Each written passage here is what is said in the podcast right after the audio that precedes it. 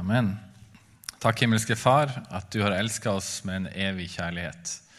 Vi takker deg for at du har vist oss den kjærligheten i Jesus Kristus, og du virkeliggjør den kjærligheten i våre liv gjennom din Hellige Ånd, akkurat her vi er. Vi takker deg for det, at du er her, og du virker i oss. Og vi ber om at ditt ord skal um, skape vekst i livet vårt, få dype røtter og bære rik frukt. Amen.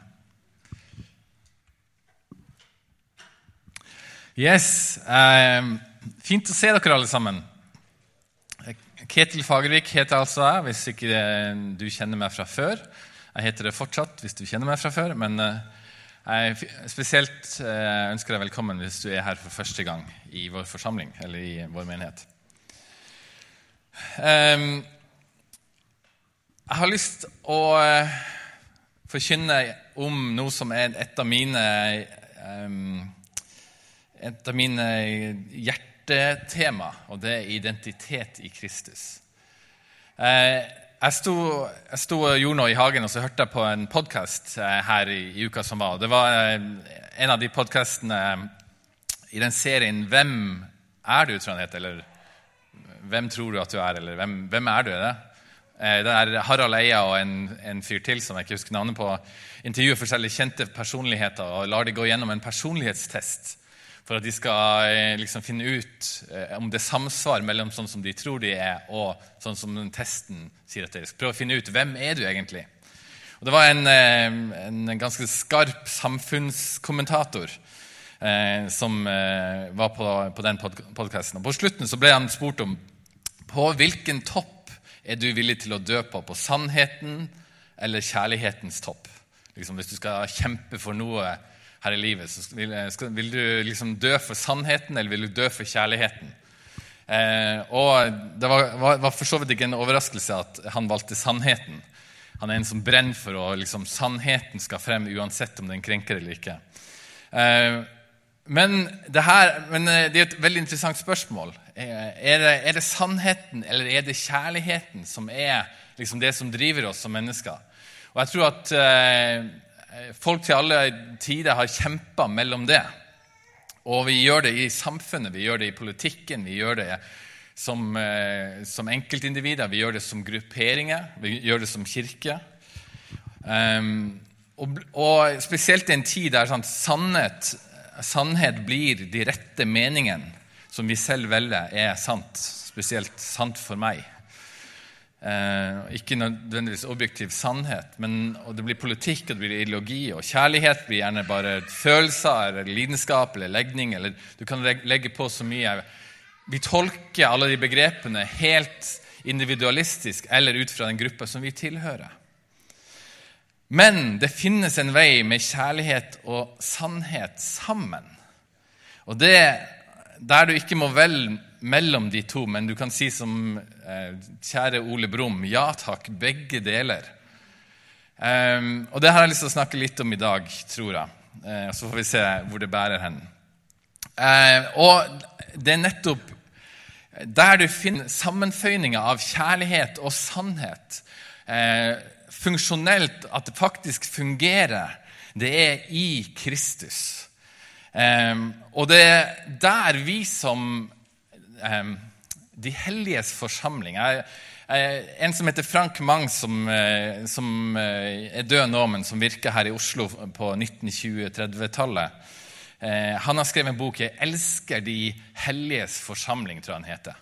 Fantastisk bok. Jeg, fikk tak i den og leste den. Og det er bare et eller annet der med det å elske eh, menigheten eller de helliges forsamling når de kristne kommer sammen, der du får lov til å oppleve hva det vil si at sannhet og kjærlighet fungerer i realiteten. Eh, eh, og, For å liksom legge litt bakgrunn for det her, så må vi gå inn i liksom frelseshistorien og se. I Jesajas 42 så tar litt repetisjon, repetisjon fra forrige gang også. I Isaias 42 så ser vi hvordan Gud Eh, og Dette er en av de her Kristusprofetiene i, eh, i som, som, taler om det skal komme en som er utvalgt, som skal være konge, og som skal være redningen for ikke bare folket i Israel, ikke bare israelsfolket, men for hele verden. Der står det sånn i Jesaja 42 og vers 67.: Jeg, Herren, har kalt deg i rettferd og grepet din hånd. Jeg har formet deg og gjort deg til en pakt for folket, til et lys for folkeslagene, for å åpne blindes øyne og føre fanger ut av fengselet, dem som sitter i mørket, ut fra Vi ser her at Gud har i Kristus eh, tenkt at han ønsker å bringe lys til folkene. Og I Guds frelsesplan så kaller han et folk som Messias skal fødes inn i og komme ut av. Messias var den salvede, var den kongen som skulle komme for å eh, bringe frihet, for å bringe frelse. Og Det er kongen som skal befri verden ut av grepet som synd, den onde og døden har hatt siden veien tilbake til Edens hage ble stengt ved en engel som står, en kjerubim som står med et flammende sverd for å vokte veien tilbake til Edens hage. Veien til Edens hage er stengt. Du kan ikke gå tilbake. Men Gud har tatt et ansvar og sagt at men jeg skal komme med en som skal føre dere inn i det evige livet. Og det er kongen som kommer. Og veien til fred med Gud og evig liv kommer nå gjennom en konge som vil vinne seg sitt eget folk. Kongen som gikk bort for å vinne seg sitt folk. Det er Jesus Kristus. Og alle som vil anerkjenne ham som sin konge, blir en del av hans folk. Gud blir mennesker sånn at vi kan få del i det guddommelige. Vi får hans liv i oss. Og han skal gjøre det ved kjærligheten, gjennom å fornedre seg selv. Ta kostnaden og straffen for alt det mennesket i sin mest usleste versjoner har gjort, og hva vi har blitt til i vår falne identitet. Det er måten denne kongen skal vinne seg sitt, sitt folk, ved å ta på seg det mest fornedringen som vi gjør og er, for å reise oss opp så vi får del i det guddommelige. Han ikler seg alt det menneskelige, tar kostnaden, og så kaller han oss til å komme og ta del i det guddommelige som han gir. Og Det fører oss som anerkjenner han som konge, som tar imot hans kjærlighet og hans sannhet. Det gjør at vi får en ny identitet som menneske under Gud. Fordi at han kom for å vise oss hva et sant menneske i pakt med Gud som sin far, hvordan et sant menneske i pakt med Gud som sin far ser ut. Hvordan er et oppreist menneske? Hvordan er grunntanken i hva et menneske er for noe? Hva er mennesket, og hva er mennesket her for? Hva er mennesket skapt for? Da må vi til Kristus for å se det fullkomne bildet hva et menneske er for noe. Og det fullkomne bildet av hvem Gud er. Han viser oss hvordan et menneske er som har sin sikkerhet, sin identitet og sin lykke fullt og helt i hva Gud mener om ham. Og hvordan Gud ser på ham. Hvordan Gud, Guds tanke er om han som menneske. Og Derfor blir han ofte referert til i Bibelen som menneskesønn. Han kom som Guds sønn, men han kom også som menneskesønn. Og han kaller oss inn i den samme identiteten gjennom å invitere oss til å bli en del av Guds familie. Brødre og søstre som deler livet som han har vunnet for oss gjennom å leve det livet mennesket egentlig var skapt for å leve. Han levde det livet som mennesket egentlig var skapt for å, å leve. Og så inviterer han oss inn i det samme livet. Og hva er dette livet som mennesket er ment å leve? Er det, hvordan er det egentlig vi er ment å ha det i toppblokket, som Ruth eh, Eline her eh, snakka om? Jo, jeg, jeg, tror at når vi ser på Jesus, så ser vi et menneske som har sin identitet bada i Guds kjærlighet, i Guds kraft og i Guds sannhet. Det er kanskje noe av det som kjennetegner men du, Man kan jo tenke alle tingene han gjorde, og alle, alle liksom de kulturelle referansene. Han gikk i rare klær, kan vi tenke, og han hadde merkelig blå øyne til å være fra liksom, Midtøsten. Altså, vi kan tegne mange forskjellige bilder av hvem Jesus var. Men hvis du virkelig går litt i dybden og ser på hvem han var, var som menneske og som person, så ser vi at han var bada i Guds kjærlighet og bekreftelse. Full av nåde og sannhet og kraft. Han var ydmyk, han eh, kjempa ikke sin egen kamp for seg selv, men han eh, stolte fullt og helt og hadde sin sikkerhet i at Gud ville stå opp for ham. Gud ville kjempe hans sak, og at Gud ville gi alt han trengte. Et liv som bader i Guds kjærlighet og kraft gjennom at han puster sin ånd inn i oss på nytt, er det resultatet av at vi får leve det samme livet. Og Det er jo det som skjer når, når noen av oss, eller du og jeg, de, vi som blir invitert inn Guds folk, som kongens folk Når vi tar imot en invitasjon, og så sier vi 'ja, jeg vil ha det du har, Jesus', og så skjer det som skjedde i skapelsen, men som vi mista. At når Gud blåser sin ånd inn og skaper mennesker, og reiser opp og gir det til liv Det samme skjer når du og jeg kneler ned for Gud og sier, 'Jeg ligger her på bakken. Du må, du må skape liv. Jeg klarer ikke det livet her selv.' Og så, så bøyer han seg ned, så blåser han sin ånd inn i oss. Og han skaper oss på nytt til et nytt liv, et evig liv, som reiser oss opp og gir oss autoritet til å leve et helt annet liv. Et nytt liv i hans kjærlighet, hans kraft og i hans sannhet. Et nytt og evig liv. En ny skapelse har skjedd. Jesus har tatt livet av synden og døden og har stått opp til et nytt liv. Han har brakt den nye verden hit. Den nye skapelsen har begynt i ham. Og hvis du har tatt imot han, så har du tatt imot den nye verden på innsida. Du har tatt imot den nye skapelsen. Du er skapt på nytt. Du er gitt et nytt liv. Du er født på ny, som Bibelen vel tale om. Man må sjekke de her kristne begrepene, om det er bare noe vi har funnet på, eller om faktisk Bibelen snakker om. Han sier det jo til Nikodemus. Du må bli født på ny. Vi er et folk som går med den nye verden som erfaring på innsida. Ved Den hellige ånd så er vi bærere av håpet i oss. Ikke bare et fromt ønske eller et eller annet ønsketenkning om en eller annen gang så håper vi at et eller annet bra skjer. Vi har fått oppleve at den nye skapelsen har starta i oss. Starta i Kristus, men den har også starta i oss, og vi får lov til å være med på det Gud gjør i den nye verden, i Hans rike, i Guds rike. For hvis du har tatt imot ham, så fyller han deg med sin ånd, med sitt liv, sånn at den nye verden også kommer inn i ditt liv. Og Derfor ser vi resultatet av mennesker som møter Jesus og lar han få bli kongen i sitt liv. Så ser vi opp gjennom hele historien fra den første menigheten.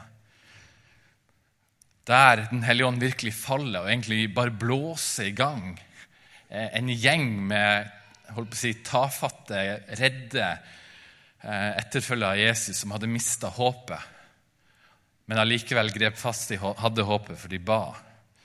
Og så eh, hadde det gjemt seg. Så kommer Den hellige ånd, og så blåser han liv i et folk som aldri har sett seg tilbake, men som igjen og igjen lar seg fylle av den samme kraften, det samme livet, den samme kjærligheten, den samme sannheten, og har spredd seg ut over hele historien, over hele verden, i alle samfunnslag, i alle nasjoner.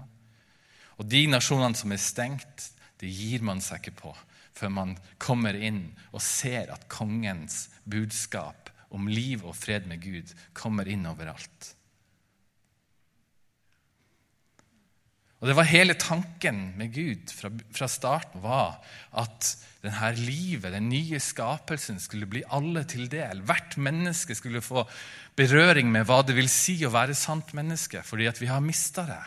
Vi har, vi har, som menneskehet så lever vi i fornedrelse og i uverdighet.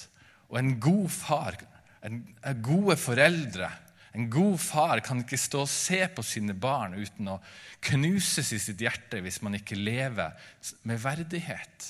Som elsker, som oppreiste, som myndiggjorte, som eh, det som du er skapt til å leve i. Derfor står det i Galaterne om det løftet som Gud så fort han fikk mulighet til å finne et folk som han kunne bringe kongen gjennom, så ga han noen løfter. Jeg repeterer fra forrige gang. Galaterne 3, 13-14. Men Kristus kjøpte oss fri fra lovens forbannelse da han kom under forbannelse for vår skyld. For det står skrevet:" Forbannet er hver den som henger på et tre. Slik skulle Abrahams velsignelse komme til folkeslagene i Kristus Jesus, så vi ved troen skulle få ånden som det var gitt løfte om. Han ga et løfte og sa at gjennom din ett, Abraham, så skal jeg bringe eh, kongen frelseren, som skal gjøre at når han blir løfta opp til Guds høyre hånd på trona, så skal han la sin ånd gå ut til alle folkeslag. For at alle sammen, hele skapelsen, alle på jorda, skal få lov til å ha muligheten til å oppleve livet og verdigheten i det å være sant menneske innenfor den sanne Gud. Og Det er når folkeslagene får Den hellige ånd, at Jesu oppstandelse og kongedømme blir gjeldende over hele jorda. Mange tenker at det hadde vært så digg om Jesus var her. Men eh, da hadde han vært et eller annet sted. Det er ikke sikkert han hadde vært akkurat her. Kanskje han hadde vært på Majorstua. Han trodde vi var her. Det som skjer sant, når, når, Jesus blir tatt opp og satt på, på Guds høyre hånd, så, så, får han den autoriteten og herredømmen over som, som, han har fortjent. Og han sender ut sin ånd, som gjør at han kan være alle steder til enhver tid. Og han kommer med liv til oss alle sammen. Og Det er jo det som vi opplever når vi kommer sammen, at her opplever vi Jesus sammen i de helliges forsamling fordi at Den hellige ånd kommer og han virker gjennom oss som en kropp der han er hodet, som, som eh, David leste fra efeserne.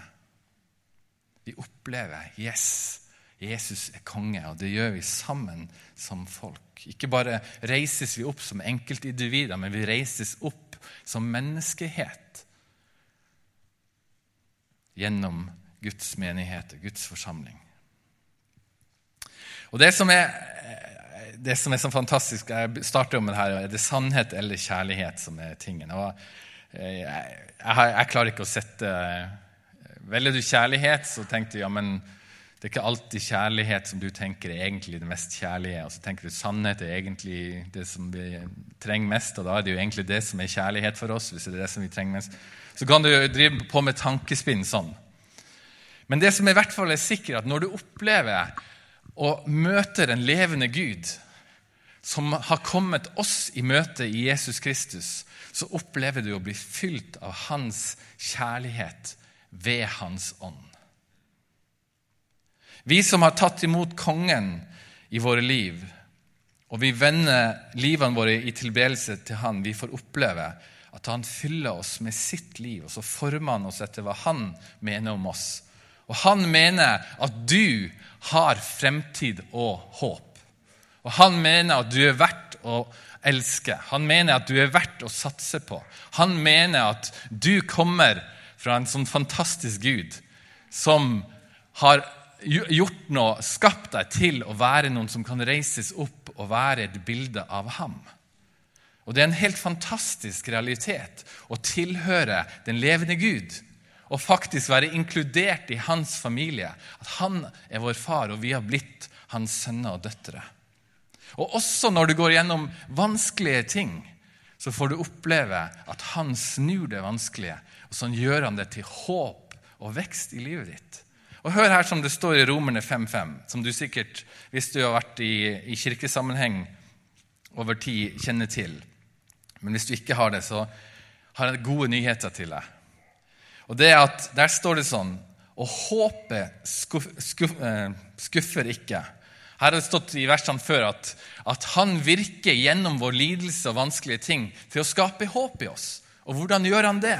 Jo, fordi at håpet skuffer ikke, for Guds kjærlighet er utløst i våre hjerter ved Den hellige ånd, som han har gitt oss.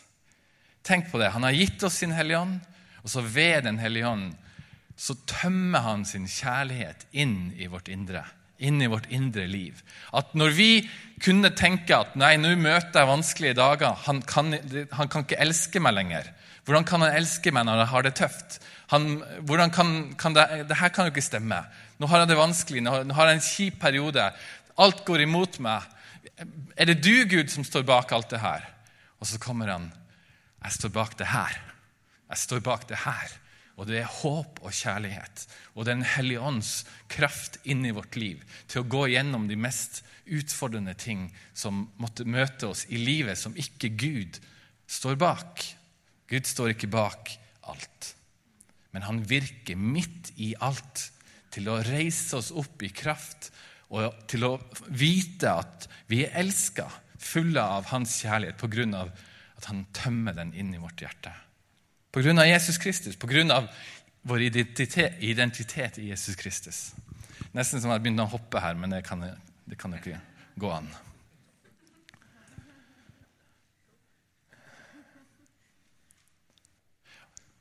Og så er det jo sånn at det er i vårt indre møte med Gud at vi først og fremst vinner over kampene som vi møter i det ytre mot oss i livet vårt. Um, jeg hadde en uh, utrolig fin opplevelse med Gud um, på tirsdag, på bønnemøte.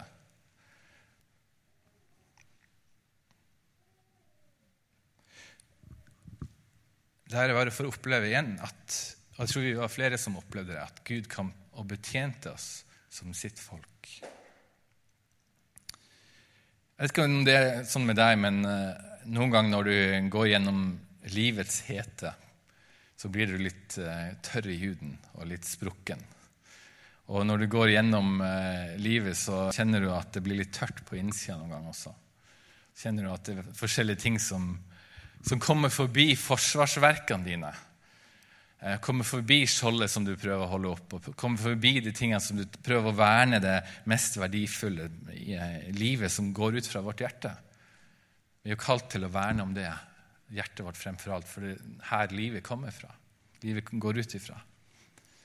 Og så vet vi alle sammen at gjennom livet så, så kommer det inn ord, eller så kommer det inn tanker, eller så kommer det inn motstand som du tolker til at Gud, er du for meg, eller er du ikke? Eller har du forlatt meg? Har du tenkt å altså, Har jeg gjort feil? Har jeg svikta? Eh, er det derfor jeg ikke kjenner på din nærhet lenger? Og så har vi så mange ting. Eh, som kan være med og på en måte bryte ned vår identitet som elsker døtre og sønner av Gud. Og så får vi oppleve sånn som vi gjorde på um, Jeg klarer ikke å klarer ikke å snakke om sånt. Så um, Der vi får oppleve at, at Gud kommer og betjener oss med sin Hellige Ånd og får oppleve, som jeg har opplevd mange ganger Det burde jo ikke være en overraskelse, men på mange vis så tar det meg litt med sånn, Jeg blir litt eh, overraska Og at Gud bare kommer og, og gjennomstrømmer meg med sin kjærlighet ved Den hellige ånd. Og eh, Jeg og David snakka litt om det etterpå. og David sier ja, det er jo de helliges forsamling. Det er jo det å komme sammen. Det vi opplever her, at Den hellige ånd virker i sitt folk og levendegjør oss og betjener oss og Så var det Robert og Betty som leda den samlinga. De leda oss sånn utrolig tydelig til å, til å gi, til å, til å, tjene Gud. Betjene Gud først, i lovsang og tilbedelse. Og Så var lovsangstimen og, og leda oss videre, og så opplever vi at Gud kommer og betjener oss med sin ånd. Og Det er utrolig mye som bare kan vaskes ut av ens tørre elveleie når Den hellige ånd kommer og strømmer gjennom oss. Og Jeg fikk jo lov til å oppleve at, at han virkelig tømmer sin kjærlighet inn i vårt liv. Og Vi får lov å synge ut og vi får lov til å ta del i det han gjør. På mange vis så blir vi invitert inn i den guddommelige dansen som vi bare kan liksom eh, forstå en lite glimt av at skjer i himmelen, når treenigheten danser sammen i liksom en sånn gjensidig glede og fred og alt det som bare er helt perfekt. Og så får vi del i det, og så blir vi invitert inn. noen det eh, var noen på bønnmøtet som, som, begynner spontant å danse i, i tilbedelse. Og, noen, og, jeg opplever at jeg skal få lov å synge ut i, i, tunger. Og noen synger ut i egne ord. Altså, det er jo det som er å være Guds folk når Han kommer og betjener oss. Så, så lar Han sitt liv uttrykkes gjennom de forskjellige, hvordan Han har tenkt det. Og det er fantastisk. Han gjennomstrømmer hjertene våre med sin kjærlighet. Og i våre hjerter så har han allerede vunnet over synd og ondskap og død. Fordi at det er hans liv vi får lov til å ta del i. Han har overvunnet de sterkeste kreftene som ødelegger mennesker, og tømt motgiften inn i hjertet vårt. Sin kjærlighet ved sin Hellige Ånd. Det er fantastisk. Han har gjort steinhjerter om til levende hjerter. Han har gjort mørket om til lys. Han har gjort det skitne reint. Han har snudd håpløshet til håp, motløshet til mot, bitterhet til tilgivelse, apati til handlekraft. Og Du kan sikkert legge på mange ting i ditt eget liv. Hva han har gjort gjennom at han kommer igjen og igjen og skyller med sitt liv gjennom ditt hjerte. Og Bibelen gjennom Paulus setter ord på det. Han sier at han har gjort oss helt nye. Han har gjort oss til nye skapninger. Vi har blitt en del av den nye skapelsen. Og I 2. Korinterbrev 5,17, som er de kjente versene Nei, den som er i Kristus, er en ny skapning. Det gamle er borte. Se, det nye er blitt til. Vi har gått fra én identitet til en helt annen etter at vi har møtt Jesus. Vi har fått en identitet som vi kan sette liksom sekkebetegnelse rundt og si at vi er i Kristus. Kanskje et av de begrepene som Paulus bruker mest om det. At vi er i Kristus. Og identitet i oss mennesker følger hvilken ånd som er virksom i oss. Hvilken Gud vi ber og tjener. For det er jo ikke sånn at vi alltid har vært hans folk. Eh, vi tilhører jo et Jeg skal ikke ta gåseøyne. Eh, et, et, kristent land. Hold, på å gjøre sånn. Men eh, det, var ikke, det, det, var ikke, et av poengene. Vi tilhører et kristent land. Vi har vokst opp, Flere av oss sikkert vokst opp i en kristen kultur. Og på mange vis kan vi nesten ta det å være kristen som en eh, kulturell identitet som poenget. Men det vi snakker om her, er på virkelig ikke en kulturell identitet. Dette handler om en identitet som hviler på Kristi liv, som livet som går ut fra Jesus Kristus, og ikke på kulturelle verdier eller markører. Uten å snakke ned de tinga der. Alle har jo en kultur, og alle bygger på forskjellige ting. Vi er ikke noe bedre i oss selv enn noen andre, selv om vi kanskje er det noen gang. Skjønner du hva jeg mener?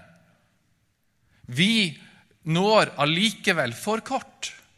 Vi, vi, når ikke opp uansett hvor flinke og gode vi er, uansett hvor gode holdt på å si, um, nominelle kristne vi er så når vi ikke opp. Uansett hvor flinke vi er i Norge, og uansett hvor høyt vår kultur har blitt bygd opp, så faller vi allikevel langt under linja for det å være et folk etter Guds hjerte. Fordi at det er bare gjennom livet i Jesus Kristus at det kan skapes en sann identitet i våre indre som individer og som folk. Hør hva Efeserne, i Efeserne hva Paulus sier her, i Efeserne 2, 1-10. Dere var en gang døde på grunn av misgjerningene og syndene deres. Jeg skal lese litt langt uh, stykke her, men det er så sykt bra, så må, eller så friskt bra. Det var en gang døde på grunn av misgjerningene og syndene deres. Og Det gjelder meg også.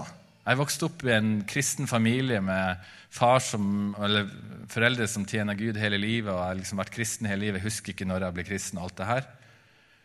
Men det her gjelder meg også. Dere var en gang døde pga. misgjerningene og syndene deres. Levde i dem på den nåværende verdens vis og lot dere lede av herskeren i himmelrommet, den ånd som nå er virksom i de ulydige. Identiteten var kobla til den ånd som er virksom i oss. Den guden som vi tilber, og kanskje uten å ha full forståelse om det. Ja, vi levde alle en gang som de. Vi fulgte lystne i vår eget kjøtt og blod og lot oss lede av det og av våre egne tanker. Vi var av naturen vredens barn, vi som de andre. Men Gud er rik på barmhjertighet. Fordi Han elsket oss med så stor en kjærlighet, gjorde Han oss levende med Kristus. Vi som var døde på grunn av våre misgjerninger. Av nåde er dere frelst. Dette var vel akkurat her en av Luthers eh, store oppdagelser. Av nåde er vi frelst gjenoppdagelser. I Kristus Jesus har han reist oss opp fra døden sammen med ham og satt oss i himmelen med ham. Vi har fått del i det guddommelige. Vi har fått del i livet i Kristus. Vi har blitt forent, sammensmelta med Kristus på grunn av det han har gjort for oss. Slik vil han i de kommende tider vise hvor overstrømmende rik han er på nåde og hvor god han er mot oss i Kristus Jesus. For av nåde er dere frelst ved tro. Det er ikke deres eget verk, men Guds gave. Det hviler ikke på gjerninger, for ingen skal skryte av seg selv. For vi er Hans verk, skapt i Kristus Jesus til gode gjerninger, som Gud på forhånd har lagt ferdige for at vi skulle i dem. Vi skal sammenføye hele denne passasjen her, så er det egentlig at Gud har gitt sitt liv som en fantastisk gave som du ikke kan gjøre noen ting for å fortjene. Men du kan få den fullt og helt gratis. Og i den gaven så ligger det sprengstoff for vårt liv. Det ligger noe som når vi pakker den opp og gjør den til vårt liv, så sender den oss ut i gjerninger som Han har lagt foran oss. Han løfter oss opp, og han viser oss godhet. Det jeg fikk oppleve på det bønnemøtet, var det han lovte her. At han skulle vise hvor god han er imot oss i Jesus Kristus. Bare det å få lov til å sitte der og ta imot Guds godhet det er faktisk Guds tanke med det nye livet. Og det er ingenting som er vårt verk. Vi kan ikke si at ja, men Gud kom jo selvfølgelig til meg fordi at jeg er en så flink kristen, og fordi at familien min er så velfungerende. Hadde du visst, liksom Alt som jeg vet om min familie. sant? Vi har fasader. Vi har altså ikke, ja, Vi vi har, alle sammen ting i oss selv, vi har alle sammen ting i vår familie, i samfunnet vårt. Når alt blir åpenbart en dag, så kommer vi virkelig til å se hvorfor vi ikke nådde opp. Selv om vi tror at vi er så dyktige og vi er liksom beste land i verden på alt og alt det her. Det er faktisk ikke det som er greia. Greia er vi, tar vi imot. Kneler vi og tar imot og lar Han blåse liv i oss? Det er det som er nøkkelen. Og det vil si, hvis det stemmer, det som vi nettopp leste her, er at verden ligger nå foran oss. Overstrømmende rik på nåde, hvor god han er mot oss i Kristus Jesus. Det hviler ikke på min egen kraft og styrke, men på at Hans ånd får være virksom i våre liv. Det må være vår identitet. Et annet sted så sa jo Jesus og noe veldig kjente ord, der han utfordrer oss og disiplene sine på å søke først Guds rike fremfor alt vi søker. Der står det sånn, Han har gått gjennom liksom, eh, denne eh, og fortellinga om hvordan eh, Gud kommer til å sørge for deg. Du kommer, trenger ikke å være redd for noen ting. Så sier han her mot slutten da, i den fortellinga i Matteus 6, 31-33. Så gjør dere ikke bekymringer og si 'Hva skal vi spise?' eller 'Hva skal vi drikke?' eller 'Hva skal vi kle oss med?' Alt dette er jo hedningene opptatt av. Men den far dere har i himmelen, vet jo at dere trenger alt dette. Søk først Guds rike og hans rettferdighet. Så skal dere få alt det andre i tillegg. Så gjør dere ingen bekymringer for morgendagen. Morgendagen skal bekymre seg for seg selv. Hver dag har nok med sin egen plage. I Guds godhet så har vi verden liggende foran oss. Vi har livet liggende foran oss. Og Vi skal få lov til å gå i Hans godhet og Hans nåde og i Hans forsørgelse. Identitet handler veldig mye om å ha tro på at vi har nok, og at vi blir forsørga, og, og, vi har det vi trenger i livet vårt. Jeg vet ikke, jeg går nok ikke så mye og bekymrer meg over hva jeg skal ha på meg. Har liksom to-tre antrekk som jeg rullerer på, som dere kjenner til. Jeg burde kanskje være litt mer bekymra. Nei, sant? Ja, ikke sant? Johnny Cash. Han var visst en eller annen artist. Nei, Han er mye kult, han. Litt mørke sanger til. men... Så jeg er ikke så veldig opptatt av alltid, eller så redd for det. Og hallo, vi bor i Norge. Redd for å ha noe å spise, liksom. Ok, kanskje redd for å ikke ha biff eh, hver uke, da, men, men eh, Eller eh, hva vi skal drikke, eller vær ikke så bekymra for Klart at kanskje du, du, er, kanskje du, er, fantastisk vakker, og du er redd for å, at du ikke skal fremstå som det hver dag. da. Og det, jeg føler jo med deg på det, så det er viktig å, liksom, å ta vare på det vi er gitt. da. Um, men jeg har lyst til å, jeg tror faktisk at det Jesus sier her, selv om ikke jeg er så bekymra for akkurat ting, de tingene som han nevner, så tror jeg det faktisk handler dypest sett om min identitet. Jeg tror faktisk det handler om at tror jeg virkelig at Gud vil sørge for meg på alle områder i livet mitt. Og jeg er kanskje ikke så bekymra for akkurat de tingene her så ofte. Men det er andre ting som gjør at jeg griper fatt i min egen kraft og prøver å fikse ting for meg sjøl. Fordi at jeg tror ikke at Gud vil sørge for sikkerhet på det i mitt liv. Ser Gud, ser Gud alle mine behov? Ser Gud alle dine behov? Ser Gud behovet ditt for å ikke være ensom? Ser Gud behovet ditt for å kunne liksom bli den beste utgaven av deg selv? Ser Gud behovet ditt for, å, for du har som de kanskje hemmelige drømmene på dypet? Ser Gud meg? Ser, kjenner han meg? Forstår han at hvis ikke jeg, hvis ikke jeg får det her, så, så, så, er jeg redd for at jeg ikke klarer meg? Så tror jeg faktisk at det her handler om det også. At Jesus kaller oss alle sammen til å søke Guds rike og hans rettferdighet først. Når det gjelder hvem jeg deler livet med når det gjelder min seksualitet, når det gjelder mine penger, som er mer enn akkurat det her Jeg kan være bekymra for andre ting med pengene. Når det gjelder samfunnet vårt, når det gjelder de tingene som vi virkelig bekymrer oss for i livet vårt. For her var, det, Og det Jesus sa her, at ikke bekymre deg for de her tingene. Dette er jo sånt som hedningene bekymrer seg om. Eller verden, de som ikke, eh, ikke kjenner Jesus, bekymrer seg for de tingene her. Derfor kan vi også spørre oss om hva er det verden bekymrer seg over.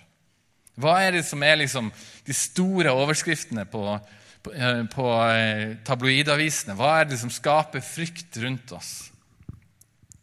Og Vi lever i en verden som ikke bare er sykelig opptatt av det ytre og hva vi kan nyte. Det handler på det indre planet om hvordan vi kan leve ut vår sanne identitet det er jo det samtida vår, jo det tidsene våre er mest opptatt av. At la ingenting hindre enhver form for å realisere meg selv. Hvis du blir hindra på noe vis, da burde du virkelig være redd for livet ditt. For hvordan skal du klare deg hvis ikke du lever akkurat sånn som du kjenner at du akkurat skal leve til enhver tid? Hvordan kan jeg finne meg selv?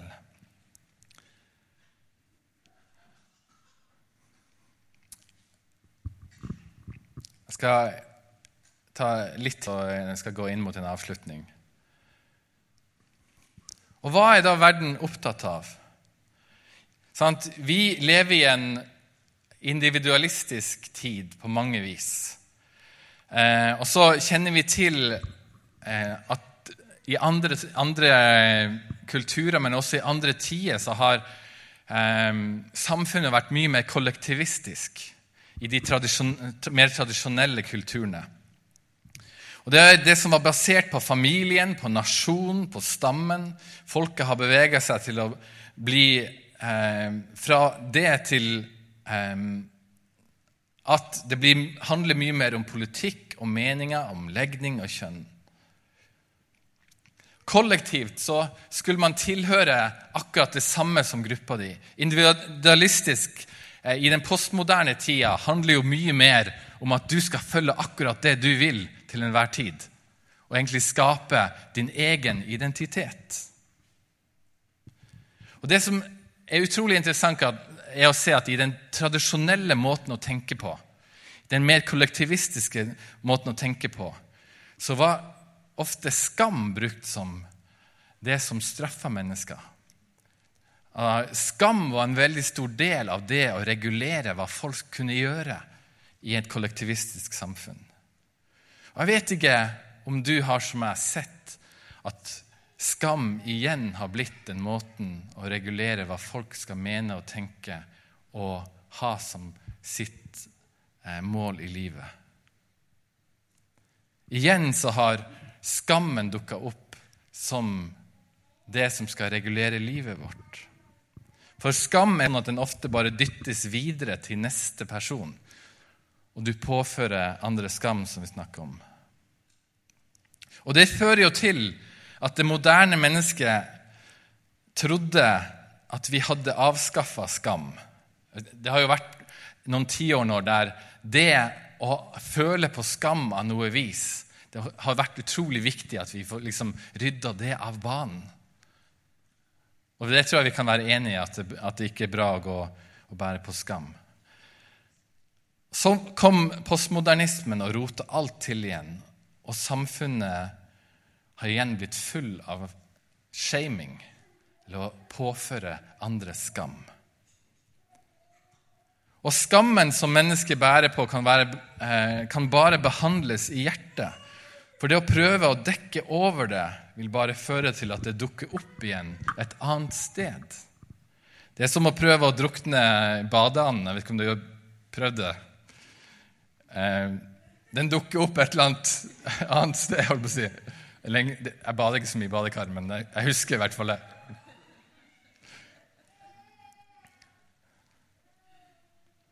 Før Kristus så, eh, så, håndterte faktisk Gud skyld og skam ved at han dekka over det.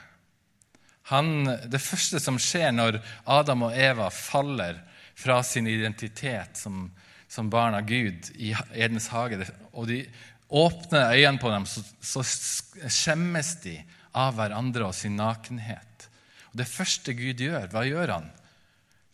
I sin behandling av Adam og Eva så lager han klær av dyreskinn for å dekke over deres skam.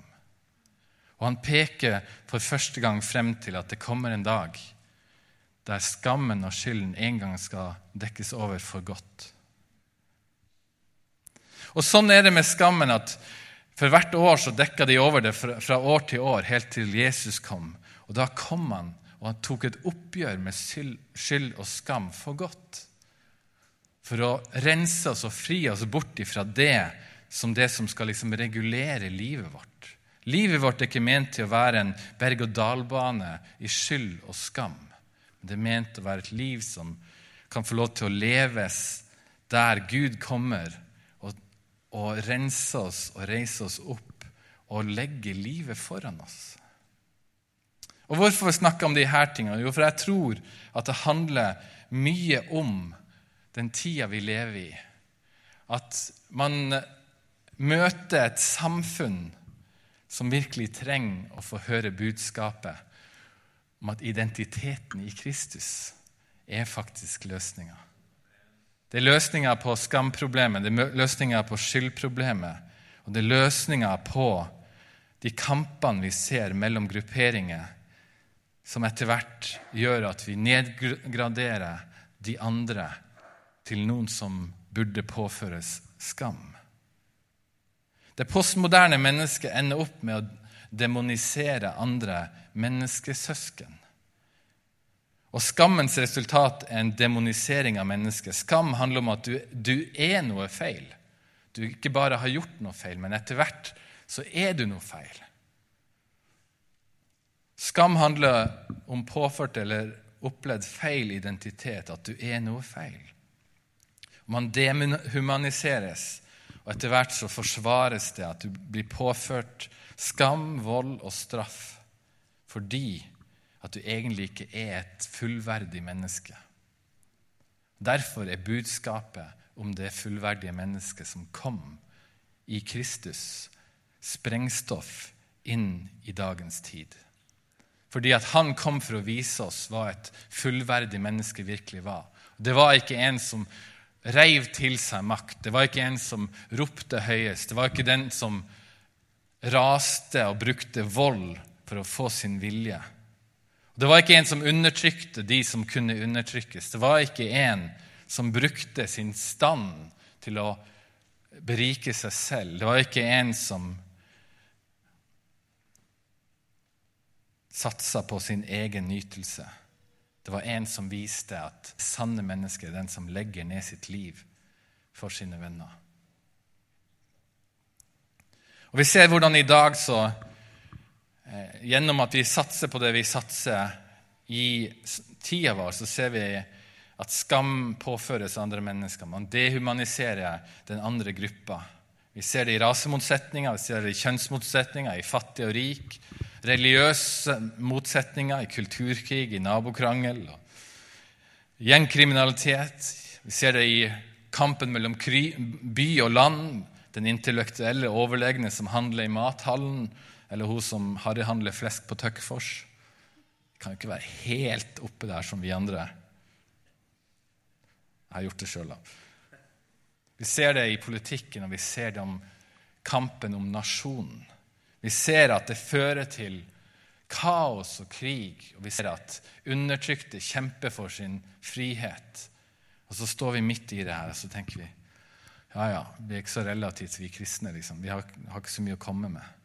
Vi har enormt mye å komme med, og ikke i kraft av oss selv, men i kraft av at Jesus Kristus kom som han som kan fri ethvert menneske ut fra skyld og skam og han kom for å vise oss hva et oppreist menneske er for noe innenfor Gud.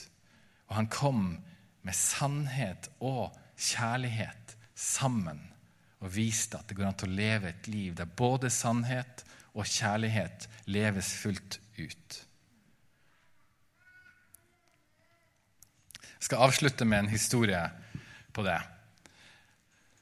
En som heter Dimas Salaberios, en afroamerikansk pastor som holder til i Queensrud, han opplevde når ni svarte eh, afroamerikanere ble skutt i en menighet i Emmanuel i Charleston i South Carolina eh, i 2015, så opplevde han at eh, Gud minte ham på du må reise ned dit og betjene det som skjer der. Det førte til, det var midt i en, et kaos av opprør og motsetninger, og det førte til eh, masse motsetninger, selvfølgelig hvit, fordi at en hvit mann som gikk inn i et bønnemøte, satte seg ned og hørte på det som ble forkynt, og det som skjedde, og så skøyt han ni av de som var der inne, og drepte de, dro ut og liksom oppførte seg som ingenting har skjedd, og lo og liksom, liksom ble arrestert dagen etterpå.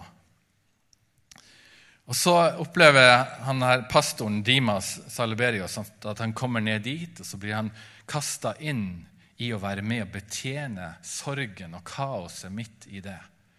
Og Der han ser når kaoset er i ferd med å, bryte ut, så, så, sier han til folket at vi er Guds menighet, så vi gjør ting annerledes. Så han leder de i sorg og i bønn, og han leder de i marsj gjennom byen. Han leder de til og, og han kommer med budskapet til å si at som svart eh, afroamerikaner så, eh, leder han til å si at vet du hva? Før vi er svarte, så er vi kristne. Vet du hva? Før vi er hvite, så er vi kristne. Og så opplever han at i den eh, rettssaken så alle familiene til de som blir drept, velger å uttrykke og forkynne tilgivelse til han som drepte dem. Og de, Han sa selv at det var som en vind av Guds eh, ånd, eller Guds varme, som kom gjennom til, tilgivelse. Og de selv som var med og valgte å tilgi, de sa selv at med en gang så forsvant hatet ut av deres indre. Og det har ikke kommet tilbake. sånn. Hva slags folk er det her, som midt i kaos og alt velger, og i sorg velger å, å tilgi? Og så sier han at Charleston, den byen, var det eneste i det området der det ikke brøt ut opptøyer av kaos. Resten brant, mens de fikk lov til å være med og, og formidle tilgivelse og forsoning midt i den sorgen. Du tenker kanskje Hæ? Kristen først, og så menneske neste, liksom? Kristen først, og så hvit? Kristen først, og så norsk etterpå? Kristen først, og så menneske etterpå? Er, ikke, er ikke det liksom ødeleggende for oss, for menneskesynet? Men det er jo nettopp det som er poenget. At i Kristus er hva det virkelig vil si å være menneske. Når Jesus kom, så kom han for å vise oss hva det virkelig vil si å være oppreist menneske innenfor Gud, som vi er skapt til å være. Amen. Så la oss tilbe og hylle Han som er kjærligheten og sannhetens konge, og la oss fylle oss av Hans ånd til liv. Far, um, jeg håper du vil signe alle her, selv om jeg preika lenge i dag. Um, Jesus, jeg ber for den tida vi lever i, som kan være så vanskelig å navigere i. Jeg ber om at du først og fremst må reise oss opp til å være noen som eh, ser andre mennesker med ditt blikk. Som ser andre mennesker med verdighetens blikk, med, med det blikket som ser andre mennesker som eh, mulig for gjenopprettelse og eh, oppreisning og verdighet, og mennesker som bærer av ditt bilde, som mennesker som, eh, som vi kan få lov til å formidle håp og forsoning og fred. Og mest av alt så ber jeg om at du må komme med din ånd og fylle menneskehjerte til menneskehjerte. Og bruk oss. Bruk oss i forsoningens tjeneste. La, oss, la, din menighet rundt omkring, både i den vestlige verden og resten av, eh, av verden, være eh, bringere av håp og forsoning. Der vi kommer inn, så skal det få råde en helt annen ånd. Det ber jeg om. Fordi at vår identitet er i Kristus først. Og så mange andre ting som får lov til å være nedover lista, far. Amen.